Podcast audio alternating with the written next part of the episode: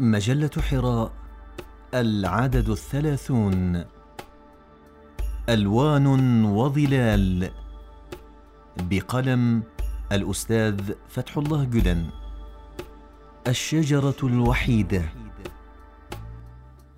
وحيدة في القفر دمعا تسكبين والقر تشكين والسافيات العاصفات تعانين.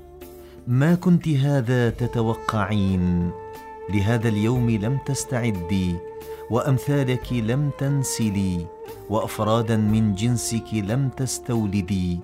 نوما نمت وبذورك لم تنشري.